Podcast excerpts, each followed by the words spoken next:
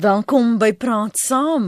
Dis Lenet Fransis met jou vir die volgende uur hier op 100.104 FM wêreldwyd by rsg.co.za, dan ook op DStv kanaal 813. Regters in die Appelhof in Bloemfontein het vroeër van dese maand die Swivambo spooragentskap gevra hoe hulle vir die passasierspooragentskap se tender kon aansoek doen terwyl hulle geen ondervinding gehad het nie. Die agentskap teken appel aan teen 'n Hooggeregshof beslissing om sy Prasa kontrak vir nuwe lokomotiewe op te skort. Nou dis 'n geval van skoenmaker hou jou by jou lees. Ons hoor dikwels van tenderpreneurs. Vanoggend bespreek ons die tenderproses in Suid-Afrika, hoe dit veronderstel is om te werk en hoe die stelsel verbeter kan word. Ons gaste is Michael Sass, voormalige rekeningkundige generaal van Suid-Afrika. Baie dankie dat jy ingekom het môre. Môre Lenet en môre aan die luisteraars. En ons gesels ook met Liesel Groenewald, bestuurder by die Etiek Instituut en president van die Besigheidsetiek Netwerk van Afrika. Môre Liesel, dankie vir jou tyd. Môre ehm um, Lenet, môre aan die luisteraars. Michael, en Michael.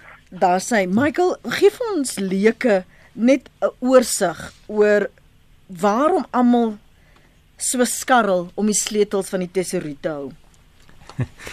Ja, net ek ek dink die mense het besluit die staat is miskien 'n maklike teiken en uh ons kan maklik geld daar uitmaak. Want die staat het 'n verantwoordelikheid om jou ehm um, om jou bevolking te bemagtig, uh om die vorige benadeeldes bietjie te bevoordeel en om jou SMME uh maatskappye 'n voordeel te gee en hulle te help om om te ontstaan.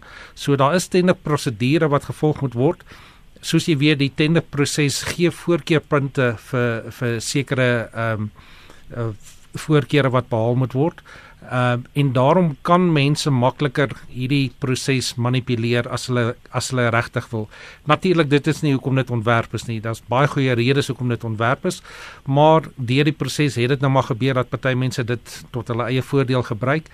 En soos in enige plek, enige staatsdepartement reg oor die hele wêreld, is daar maar mense wat minder etiese waardes het as ander mm. en dan mm. wat voordele gee vir party vriende wat hulle miskien nie moes gedoen het nie.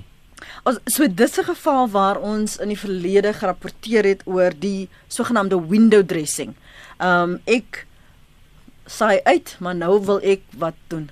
Nou wil ek uh, Nou wil ek byvoorbeeld vir die regering ehm um, geleentheids onthaal reël. Ehm um, maar ek ken vir Jody wat vir die regering werk, maar Jody wil nie sy naam op die kontrak sit nie, maar omdat ek meer punte gaan kry, sit ons my naam op die kontrak. Is ja. dit hoe dit werk? Kyk dit dit gebeur wel, daar is sulke gevalle wat gebeur, maar onthou die grondwet sê dat jy moet waarde vir geld kry in jou aankope proses. Ehm um, so dis nie veronderstel om so te werk nie. Jy kry voordeelpunte. So as jy twee tenderaars het wat minder wie, min of meer dieselfde is, jy het 'n uh, ou gevestigde maatskappy of kom ons noem dit die ou wit maatskappy en dan 'n nuwe bemagtigingsmaatskappy. Ehm um, wat nou nog nie die agtergrond het en so aan nie, maar min of meer dieselfde tegniese punte behaal in die beoordeling. Dan het jy voorkeurpunte wat wat toegeken word aan daardie maatskappy en dit sal vir hom dan toelaat om die kontrak te wen. Nou ongelukkig jou ou kom ons noem dit die ou wit maatskappye het nou slim geword. Hulle het besef hulle kry nie meer werk nie en die enigste manier om werk te kry is om hierdie window dressing te doen. Ehm um, so hulle kry 'n swart uh, vernoot wat dan die kontrak kan wen. Ehm um, hulle kry nog steeds hulle geld want hulle doen die werk en die die ander persoon kry sy deel van die geld. Ehm um, almal is gelukkig behalwe die staat natuurlik want ons moet optok vir hierdie vir die pantokker uh, pantokkelry wat wat hier aangaan. So wat is die vlakke dan van daardie tenderproses want in die verlede het mense ook gehoor waar jy Michael ehm um, sê vir daar gaan 'n tender gepubliseer word en almal moet aansoek doen, maar ek gee vir jou agtergrond inligting of binne inligting en sê vir jou dis wat ons dink om aan te spandeer in dit of ons sê vir jou wat die ander gespeel het. Jy moet net so onder daardie bedrag inkom. So help ons om te verstaan wat is die oorsigte, die checks and balances wat in plek ja. is en geld dit op elke vlak? Kyk, dit geld op elke vlak. Jy mag geen inligting beskikbaar maak aan enige voornemende tenderaar nie. Dit is totaal en al onwettig. Maar dit gebeur. Uh, maar dit gebeur. Ons ons weet almal dit gebeur. Maar nou ja, jy vat nog steeds 'n kans want as daar 'n tender is, sê nou maar jy begroot, kom ons sê argument sonhalwe vir 10 miljoen en ek sê vir jou Lenet, miskien as jy net so 110 miljoen inkom, dan kom jy in op so 9.8. maar daar's dalk iemand wat regtig die werk kan doen ja. en hy kom in op 9 miljoen, jy weet en en dan wen hy, jy weet so ou vat maar nog steeds die kans. So daar is verskillende vlakke. Die belangrikste ek dink is tot by 500 000 kan jy wat ons noem RFQ request for quotation. Met ander woorde, jy kan net 'n kwotasie vra, drie kwotasies, jy hoef nie uit te gaan op 'n oop tender nie. Bokan dit moet jy uitgaan op 'n oop tender waar enige iemand kan kan bied. Daar's 'n paar uitsonderings. Daar's natuurlik as jy die enigste verskaffer is in Suid-Afrika, eh, jy weet dit help nie om op tender te gaan nie want jy gaan noodwendig die die saak wen. En dan ook as dit 'n noodgeval is, jy weet, ehm um, partykeer dit is so dringend ons het nie nog tyd om op 'n tender uit te gaan nie. Ons moet nou onmiddellik iemand aanstel. Daar is nog steeds reëls wat geld maar maar daar is uitsonderings wat gemaak kan word. Maar die oor oor die algemeen die die feit as daar enigiemand is wat indigting het dat ehm um, een van die maatskappye of een van die staatsdepartemente inligting gegee het aan 'n voornemende tenderaar, dan is dit verbode, dan moet die tender onmiddellik gestop word en van voor af begin word. Maar daar's altyd 'n gewer en 'n ontvanger, Liesel. En hoe hou jy hierdie proses wat veronderstel is om te bemagtig, veronderstel is om speelveld gelyk te maak en dan nou ook steeds die dienste gelewer te kry? Hoe maak jy seker dat die regte persone dan daardie ontvanger is? Uh weet jy net die die probleem lê maar ons het nou soos jy gesê checks and balances en kyk in in, in die uh, tenderproses. Maar uh aan die einde van die dag is dit nog steeds mense ehm um, wat betrokke is by die hele uh, in die proses. So wat jy kry is indien jou organisasie kultuur ehm um, nie sterk uh, klem lê op etiese waardes en etiese gedrag nie, dan gaan jy ehm um, kry dat mense indigting uitgee soos soos uh, Michael en jy gesê het. Ehm um, en uh, jy weet jy moet jy moet sorg dat jou mense in die organisasie bemagtig is in terme van kennis en terme van ehm um, die etiese standaarde van die organisasie. Dan kan jy ehm um, en sê met sek met redelike sekerheid, nie, maar dan kan jy meer verwag dat jou werknemers nie in in sulke prosesse betrokke gaan raak nie. Ehm um, die feit een van die dinge wat wat eintlik nogal bydra tot ehm um, die tender uh, bedrog is ehm um, die feit dat daar nie uh weer word niks gedoen aan die individu in die organisasie of klagtes gelê teen die persone ehm um, wat ook betrokke is by die korrupsie nie. Ehm um, en dit ek ek dink nie daar is 'n wil om dit noodwendig te doen nie, dit om verdere stappe te neem nie. Mm -hmm. Dit dui maar net weer vir ons daarop dat die dat dit dit het 'n norm geword. Jy weet dit is aanvaarbaar. Uh en mense sê net ag ehm um, ja, uh daar's nou weer hierdie bedrog en en almal kom net daarmee weg. In steede daarvan dat ehm um, dat daar ordentlike oorsig is ehm um, dat daar 'n wil is om te ondersoek net net binne die organisasie ehm um, die die werknemers nie, maar ook um, om die om kriminele klag te lê teenoor die party wat die ander party. Dit is hulle sê takes two to tango. Mhm. Ehm um, en en en ons sien nie dat daar enige gevolge is vir hierdie gedrag nie. En en ongelukkig het mense nou maar 'n bietjie van 'n geneigtheid om ehm um, en ek nou sê gulsig te wees en uh, daar is maar 'n mate van oneerlikheid en dan die behoefte van weet keeping up with the Joneses soos hulle in Engels sê. En ehm um, en dit lei daartoe dat dat party mense net makliker uh, vatbaar is um, vir uh, druk wat hulle mag ervaar om betrokke te raak by hierdie tipe van bedrog. Ek het nou net in die verlede week ek is nou nie seker of dit 'n versekeringsmaatskappy is en of dit 'n regsfirma is nie waar 'n vrou wat daar gewerk het om 'n paar miljoen geskep het. Ehm um, hmm. omdat sy die stelsel geken het, maar jy wil gou vinnig sê? Nee, hulle net ek wil net byvoeg, dis heeltemal reg wat ons noem consequence management. Jy hmm. weet wat gebeur as iets fout gaan, wat se gevolge is daar? Dit is hoekom die verandering aan die openbare audit wet, hmm. die Public Audit Act die wat die ouditeur-generaal ehm um, ehm um, meer werk so belangrik is. Dit gee hulle nou meer byt. Hulle het nou die die vermoë om as hulle onreëlmatige uitgawes optel kan hulle dit verwys na 'n uh, na die SAPS of uh, een van daardie die vervolgingsagentskappe ja. agentskappe ja. wat wat dit kan navolg. Hulle het ook die reg nou om self ek wil amper sê 'n uh, invorderaars agent te word want hulle kan ehm um, 'n 'n magtiging uitrek wat sê die openbare amptenaar wat in beheer is van daardie departement moet sekere gelde terugbetaal. So die consequence management wat ons in die verlede gehad het wat nie goed toegepas is nie, die gevolge van jou aksie word nou baie meer belangrik en omdat ons dit nie self toegepas het nie. Jy weet want die hoof van die afdeling is veronderstel om sekere aksies te neem as hy dit uitvind. Daarom het ons nou meer magte gegee vir iemand anders te soos die ouditeur-generaal om dit namens ons te kan doen. Maar Liesel, ons het ook nou gesien al dat die fokus en die klem was nog die heeltyd op politici. Ons sien dit ook nou met die onthullings by die staatskapingsondersoek. Maar die onreëlmatighede by tenders, dit kom voor in maatskappye, dit kom voor in die private sektor ook en soms hoor ons net nie daarvan nie. Dit is heeltemal reg. Ehm um, die dit is asof die media net uh, redelik meer fokus of gefokus het ehm um, op die publieke sektor. Ek dink dit het 'n bietjie gedraai. Ehm um, maar dit is uh, dit kom definitief ook voor in die uh, publieke ag sorry in die publieke sektor. Dit kom definitief ook voor in die private sektor. En ehm um, daar gaan dit maar hoofsaaklik oor oor die gulsigheid van mense om net meer geld te kry. Uh en ongelukkig uh, daar is 'n stelsel van plek, kontrole in plek, maar uh, jy weet mense soek altyd die sê die gaping. Ja. En ehm um, dan gaan hulle daarvoor en wat wat die gevolge daarvan is en dit sien ons veral in die bankwees of die finansiële sektor, is hoe meer mense toespind, uh hoe meer reëls word daar ehm um, uh, ingestel kry dan kry jy al die regulasies dis basiese uh prolifer ehm ehm en wat is die woord op nou. In elk geval dit dit vergroot, weet daar word net meer en meer regulasies aangestel.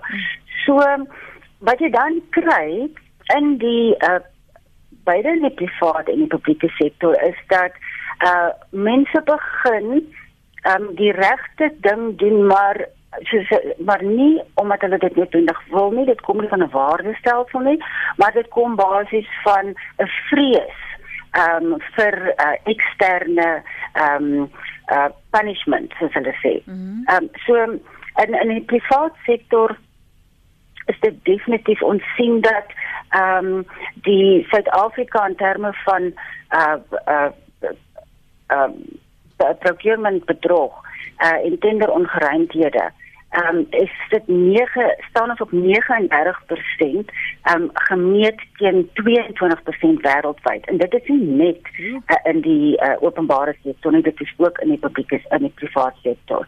En dit is volgens 'n um, uh, opname wat gedoen is deur PwC in terme van uh, ekonomiese misdaad. Dit sê dit dit gaan sleg en dit lyk sleg. En ehm um, en dit het 'n groot gevolg dan vir die land um, in terme van die ontwikkeling in terme van geld wat um, in individue se mm. sakke land. Ek weet die gevolg van korrupsie was. Ja, ek hoor um, jy weet in in in dit ehm um, lei daartoe dat die geld wat eintlik veronderstel is om na ehm um, die publiek te gaan, die samelewing te gaan. Ehm um, word verduister. Ehm um, daar word nie dienste gelewer nie. Uh, daar is swak infrastruktuur ehm um, onetiese waardes uh of onetiese gedrag word die norm. En ander mense kyk op daarna jy weet in die private sektor en in die openbare sektor. Mm. en ehm um, weet wat ons ons wat ons sien is wat ons doen. Ehm um, die voorbeeld wat vir ons gestel word. So hoekom sal ek nie uh doen wat ek sien my bestuurder doen of my senior bestuurder doen nie? Ja. Ehm um, wanneer ek op 'n ander vlak is in die organisasie Gaan nou terugkom na die punt wat jy daar maak. Ek wil net gou hoor wat sê Willem môre. Môre gaan dit goed julle. Dankie eerste klas en jy? Goed, dankie man. Môre aan al jou gaste ook. Um, ek het 'n um, ek weet hier wat um, my 'n uh, probleem is met die tender met die tender prosedure en ek weet nie of dit dalk intern probleem is of dalk net oor die probleem is nie. Mm twee dinge. Nommer 1 is ehm um, net ons het 'n tyd terug was daar 'n dam by 'n sekere staatsinstansie, 'n waterreservoir. 'n mm -hmm. Konkrete reservoir wat op uh, wat hulle gevra het ons moet vir hulle kom regmaak of kwoteer om hulle reg te maak. Die bedrag het net onder die 200 000 ingekom. Toe besluit hulle nee, hulle gaan uitsit op tender. Glo dit of nie hulle net 6 maande later die tender toegeken vir dieselfde werk as wat ons nou gedoen het vir 200 000 6 maande terug. Is die werk toe nog gedoen vir oor die 100 000 rand. Dis nommer 1 Nommer 2 so dis eintlik 'n speling is diepste van ons geld. Mm. Ah. Okay. Willem, Willem, Willem, Willem, ek weet nie of jy nou bestuur nie, maar jou klank sny bietjie uit. So jy het gesê dis diefstal van ek neem aan belastingbetalers geld? Is dit? Ja, want ehm, um, okay, goed. En die ja, ander tweede punt sou doen vir 200, mm. doen ons dit nou vir 700. En dan nommer 2 is wie dat die community so aanspraak maak op alles, op, op alles en almal se werk en se geld. As jy iewers bijvoorbeeld in Mamelodi ehm um, 'n werk kry, dan word jy gedwing om die local die locals te gebruik. Maar die locals staan heeldag en niks doen nie en as jy jou eie mense inbring, dan kom jy werk actually gedoen. Die locals staan en toy toy so baie en beklei oor nuttighede dat die werk nie dinge gedoen word en dit beteken dat die konstruksiemaatskappy eventually bankrot speel want hulle moet almal betaal vir werk wat nie in in tak gedoen word nie. Mm. So dit is daai twee punte wat vir my regtig um moeilik is om te verstaan. Dankie Willem. Dankie dat jy dit maak. Kom ons staan stil by wat Willem sê want daar's twee goed wat vir my hier so uitstaan. Maar voor ek daarby kom, hierdie consequence management wat jy sopas na verwys het, watter consequence management is daar dan die gevolge vir die privaat sektor wanneer hulle ongeruimthede ontbloot word? Jy sien dis een van die groot probleem probleme hulle net. Mm. Ehm um, mense vergeet baie keer, jy weet ons is baie maklik vir ons om die staat te blameer vir alles, maar die staat het eintlik wetgewing wat baie beter is as die privaat sektor.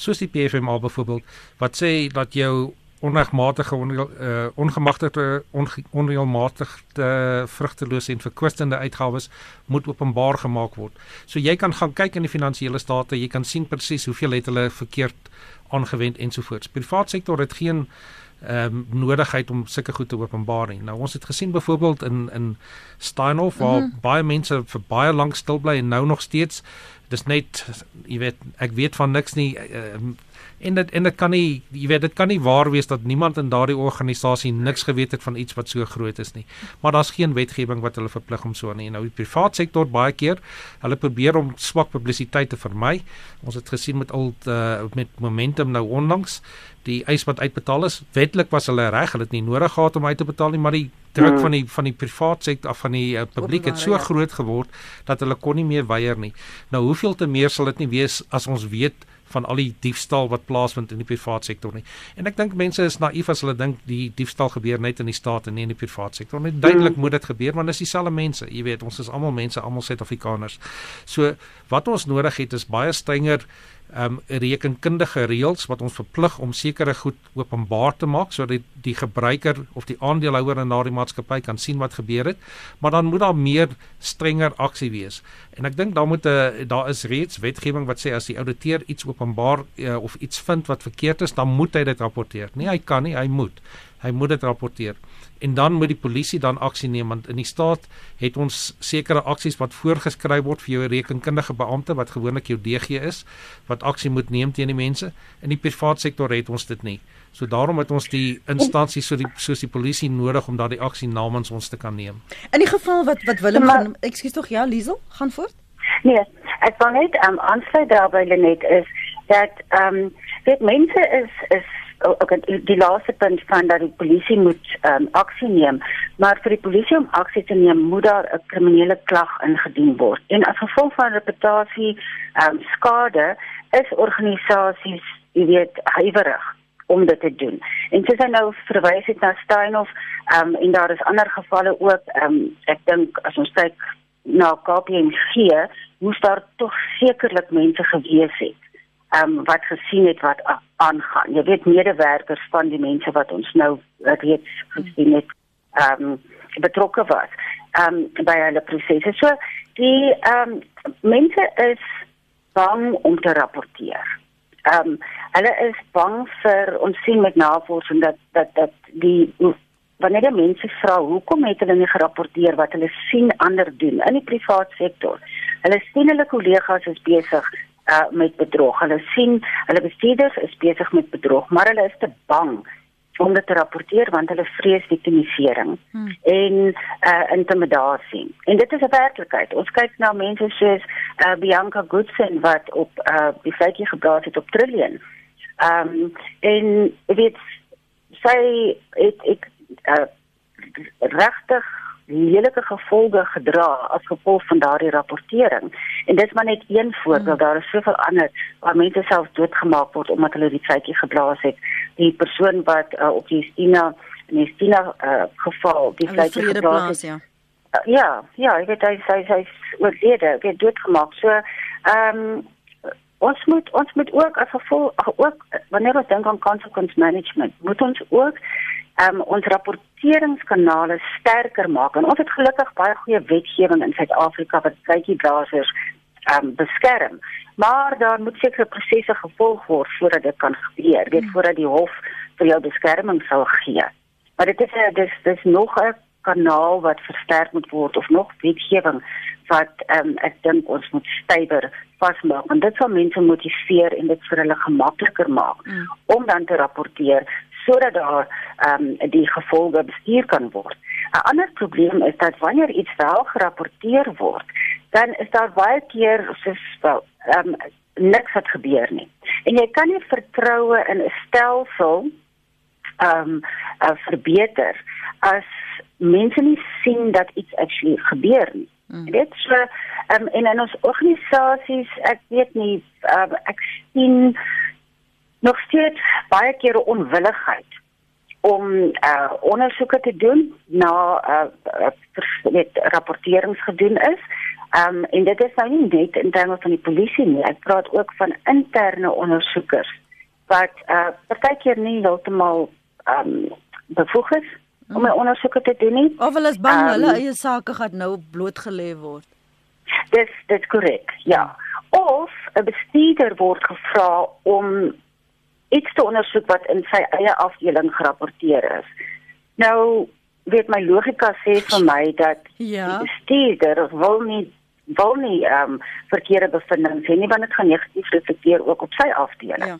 Dit is daar moet prosesse um, ook baie duidelik uh, ingestel word en en ongelukkig is in die private sektor uit my ondervinding uit is is daardie sake nog nie heeltemal in orde nie. Lisa, hou net vir my so aan. Ek wil net met Jean praat. Is dit Jean of Jean? Dit is Jean. Jean gaan voort asseblief. Man, ehm um, ek het familie wat in die weermag is en hulle het byvoorbeeld vooraf opge met goedgekeurde verskaffers.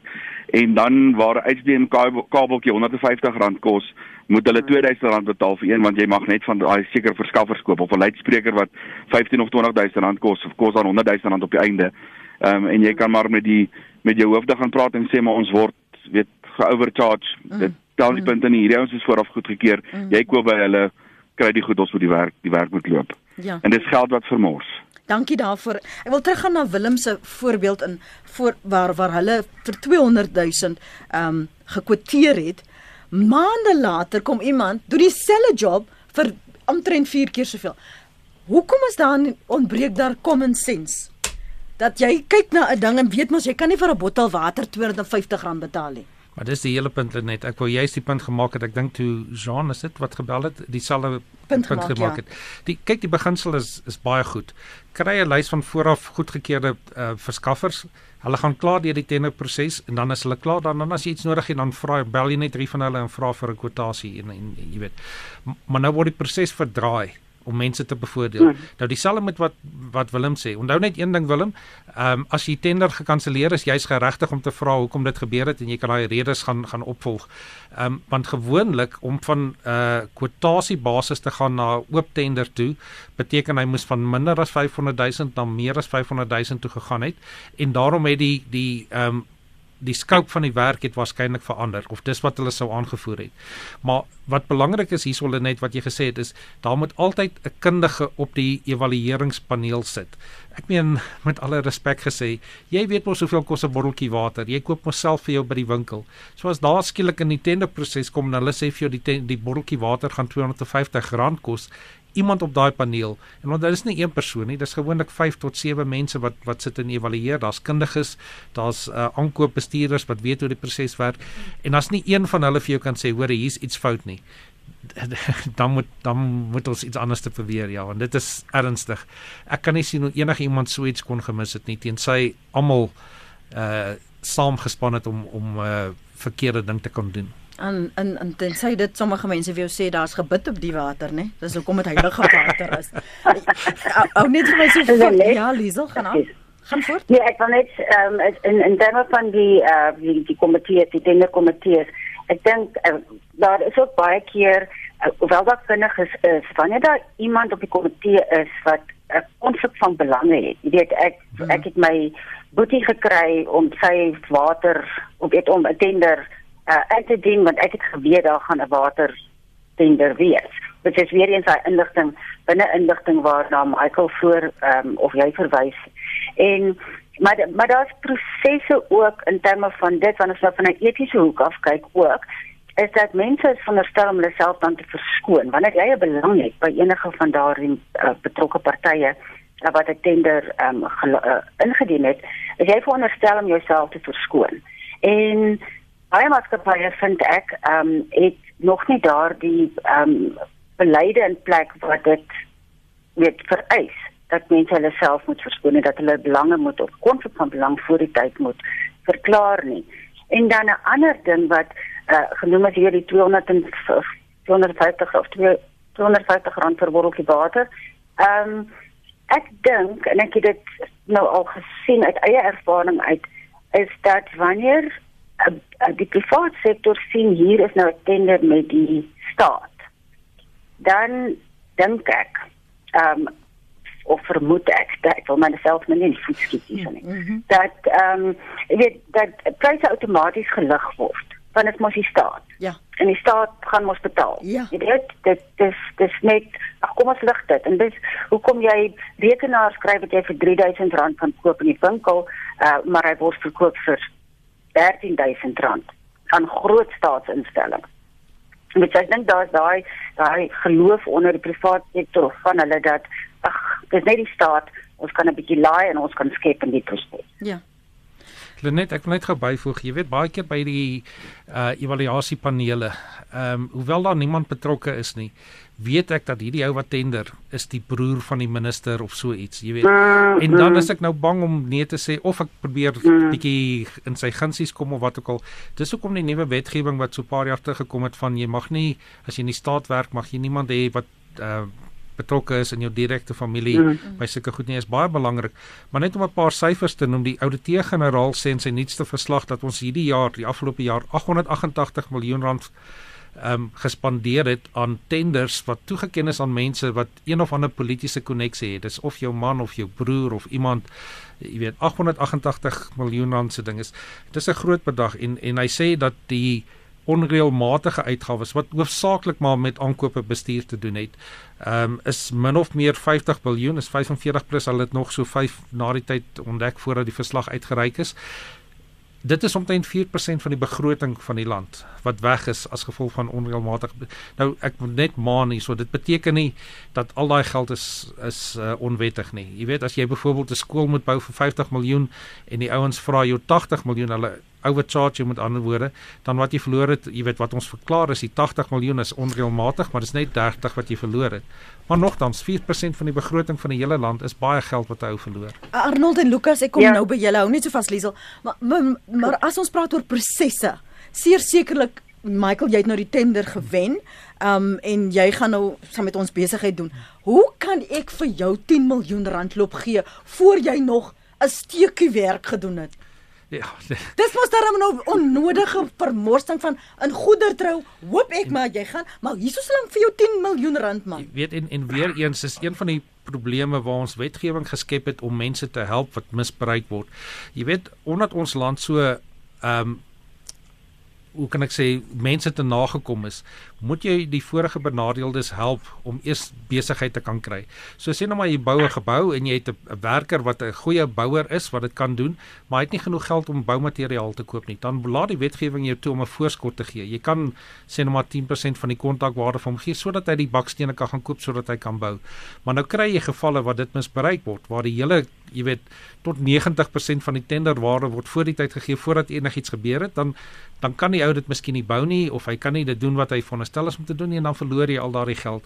Ehm um, en dit is ons jy weet ons moet ook om baie meer streng optree teen vooruitbetalings wat gemaak word aan Ek kon herinner my nou iewers in die Noord-Kaap is daar pype gelê en as geld gegee miljoene, maar daar's nie Daar is nie 'n 'n dam nie, daar's nie 'n lyn, 'n pyplyn nie. Daar's net 'n stuk beton en dis veronderstel om nou 'n pyplyn te wees. Arnold, is dit jy? Ek is op hierdie lyn, ja. Okay, nou praat met my Arnold. Net ek hoor jou paneel en en, en almal wat ingebel het vanoggend se se opinies en en ek kan nie meer as saam met hulle almal stem van al die probleme wat aangaan nie, maar ek ek voel mense moet vir mekaar verander, maar wat is die oplossing? En die oplossing is vir my soort van vooruit liggend.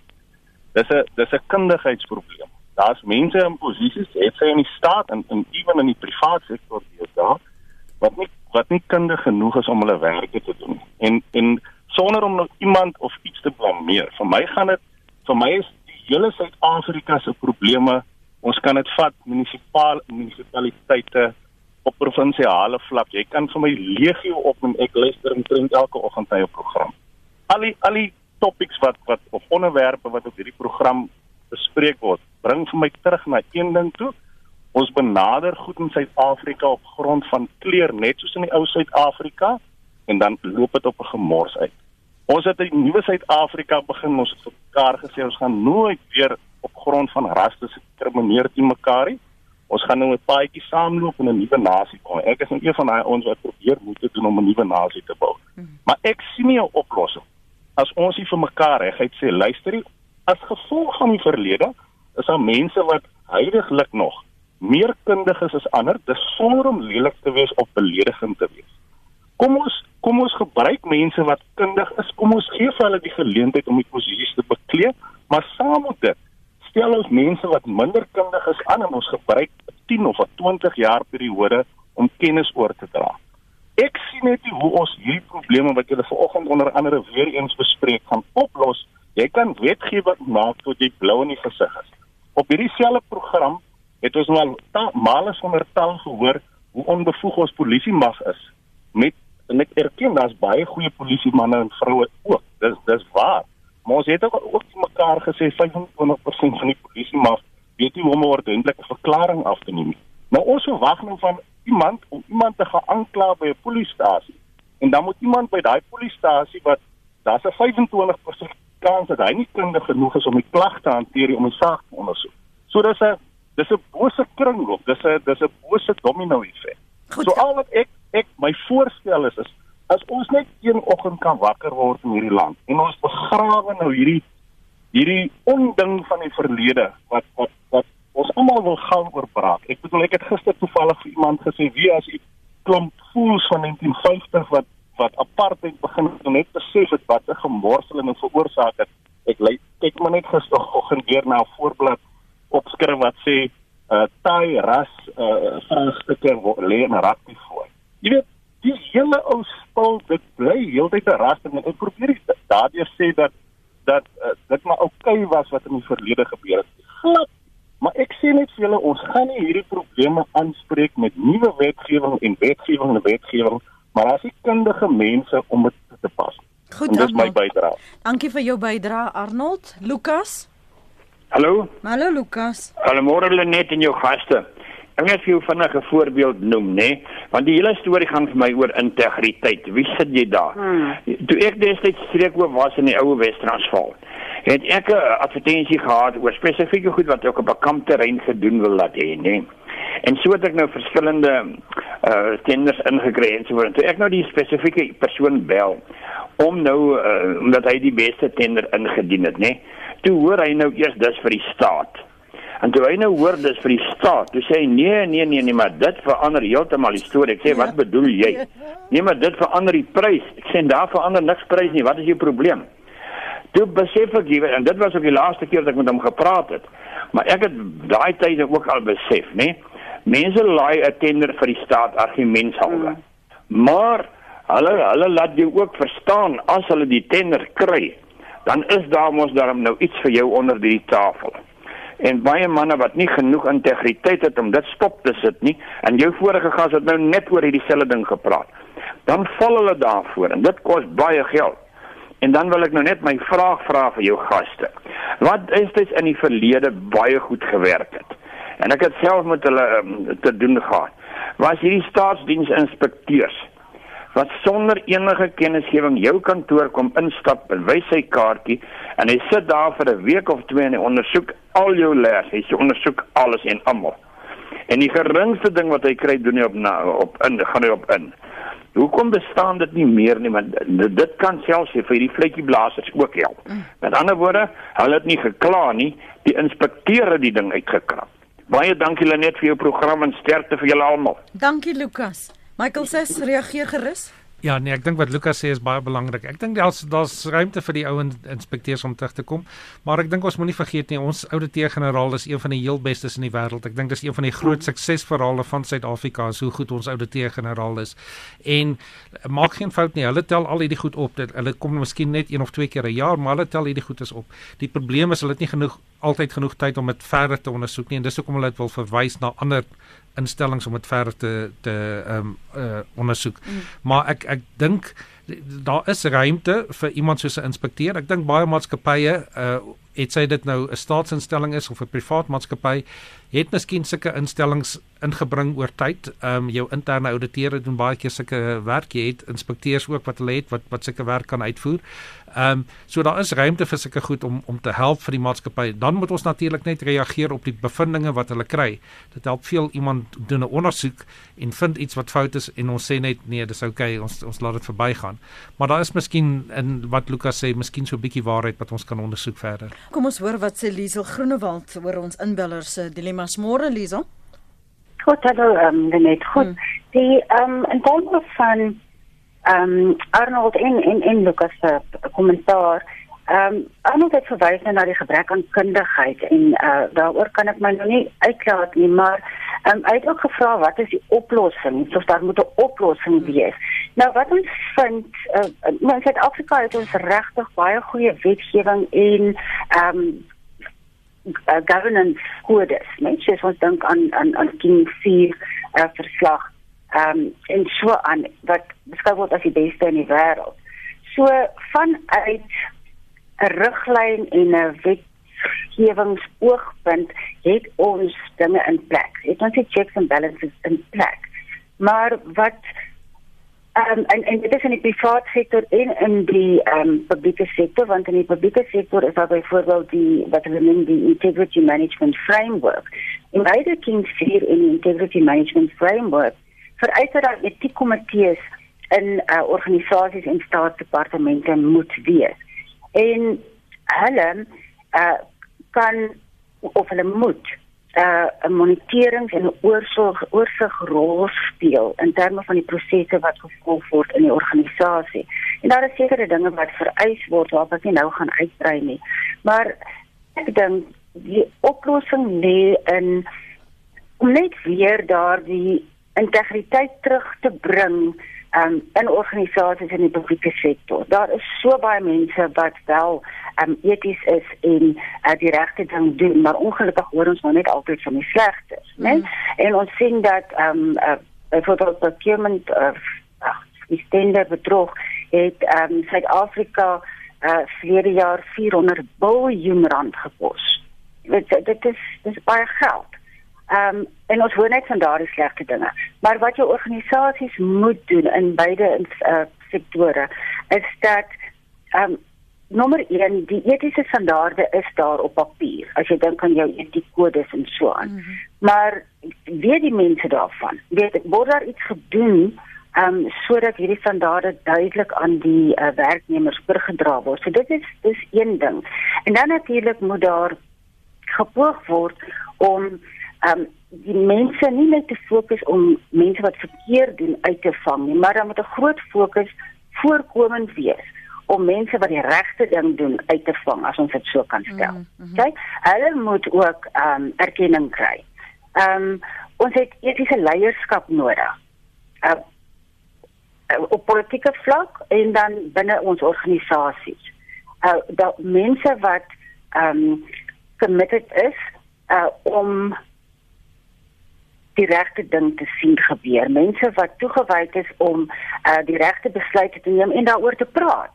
Dit in 'n sterk standpunt inneem op leierskapsvlak. Ons sien met navorsing wat ons gedoen het in die publieke sektor, ehm um, dat baie van die mense wat betrokke raak in in in in, in tipe bedrog uh, doen dit omdat hulle druk kry van buite af of hulle kry druk van binne die organisasie van hulle senior bestuurders of die topbestuurders.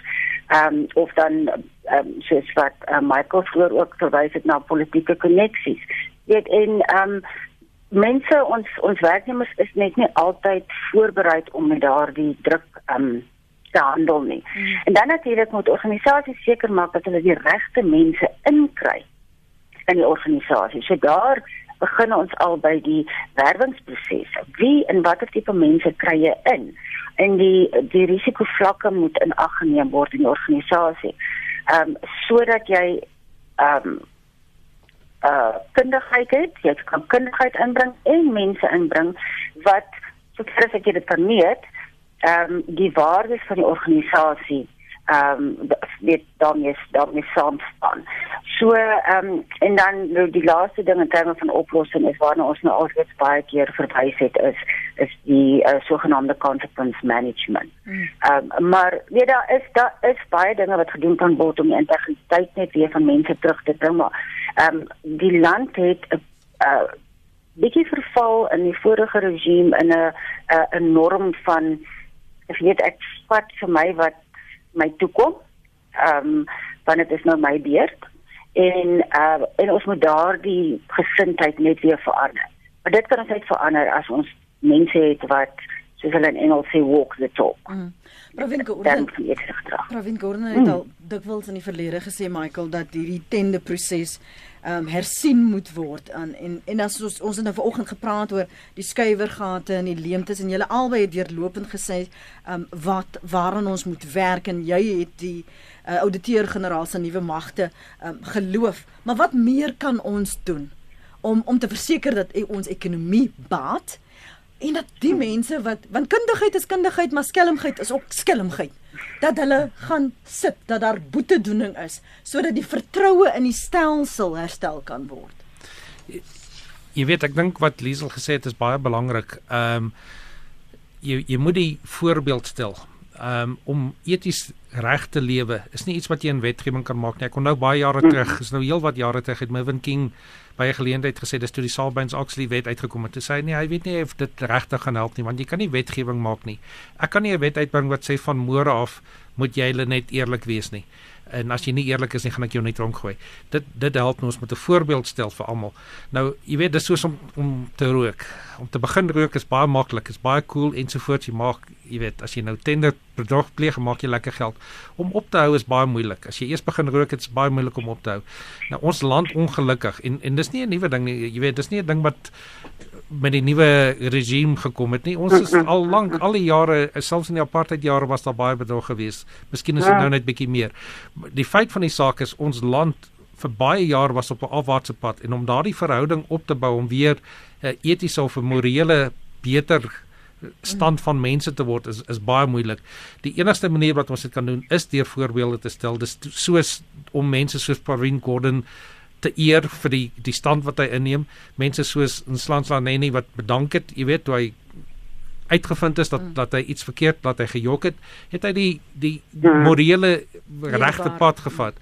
En ek dink dis waar dit lê. Om meer wetgewing uit te bring, dink ek nie gaan help nie. 'n Stuk papier gaan jou nie keer mm. om bedrog te pleeg ongelukkig nie. Laaste punt van jou, Liesel. Dis met die gedrag van mense verander in hulle ingesteldheid die besigheidsnetwerk netwerk van Afrika het verlede jaar vir Provin Gordon 'n uh, toekenning gegee vir sy bydrae en sy voorbeeld het sy bydrae tot ehm um, uh die integriteit of iets as iemand wat staan vir sy beginsels. Ja, en en ons het meer sulke tipe mense nodig, voorbeelde wat Michael ook genoem het, maar mense met die mense met die ingesteldheid en die gedrag net van mense beïnvloed want etiek gaan oor gedrag. Mens kan nie sê ja, vandag is jy oneties en môre gaan jy eties wees nie. Ehm um, maar mens kan deur verskillende prosesse wat deur byvoorbeeld ehm um, uh, die King 4 verslag en al die vorige verslae voorgeskryf word of ook voorgestel word, is kan mens die gedrag beïnvloed. En dit is wat ons moet doen in ons organisasies en in die staatsdiens. En dit gaan 'n ruk vat. Mens kan nie net oornag dinge verander nie. Maar ehm um, ons kan deur goeie voorbeelde te hê in ons samelewing, deur mense wat die regte ding doen, mense mense wat vir eerlikheid en vir ehm um, beginsels. Ek dink ook aan uh, advokaat Tuli Madonsela as 'n voorbeeld. Mm. Ek weet hulle moet ge, geëer word. Ehm um, en en uitgewys word aan ander mense en ja, hopelik dit dit sal dit sal 'n oorspoel effek hê. Ja, en ons um, moet 'n paar mense 'n paar mense 'n voorbeeld van maak. Daar sien jy baie gou ja. sien hoe word daar yes, gedragsverandering wat plaasvind. Ja. Baie dankie ja. Liesel Groenewald, baie dankie aan jou Michael Sess vir julle beskikbaarheid vanoggend op praat saam.